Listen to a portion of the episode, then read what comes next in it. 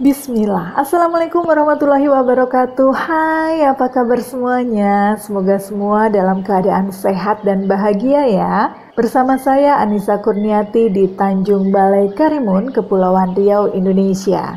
Dalam podcast Kola Z, kolaborasi dari A sampai Z.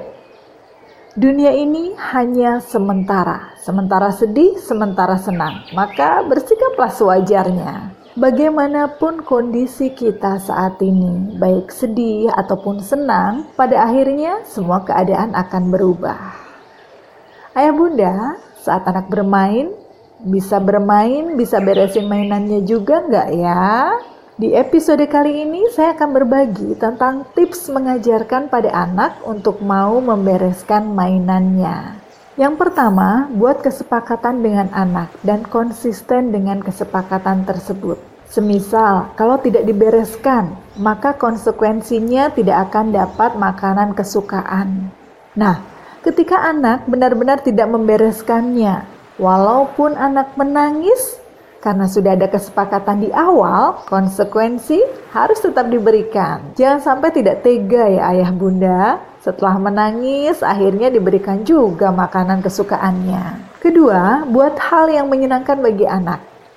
Setelah bermain selesai, bisa sambil bercerita agar anak mau membereskannya, sehingga akhirnya anak melakukannya dengan hati senang. Ketiga, lakukan tanpa emosi.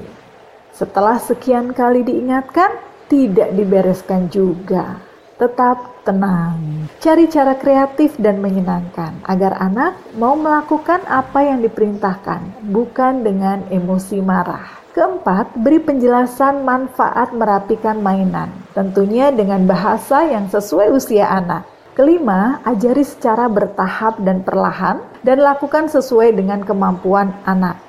Keenam, beri contoh dan teladan. Anak masa belajar, masanya meniru apa pun yang dilakukan orang tua. Perlihatkan pada anak bagaimana cara membereskan mainan agar rapi. Ya ya bunda, itu tadi tips bisa bermain, bisa juga beresin mainan. Selamat mencoba, semoga bermanfaat. Naik pompong, nak ke Pulau Parit, jangan lupa bawa kue sagu. Nanti kita sambung, saya nak pamit. Wassalamualaikum warahmatullahi wabarakatuh.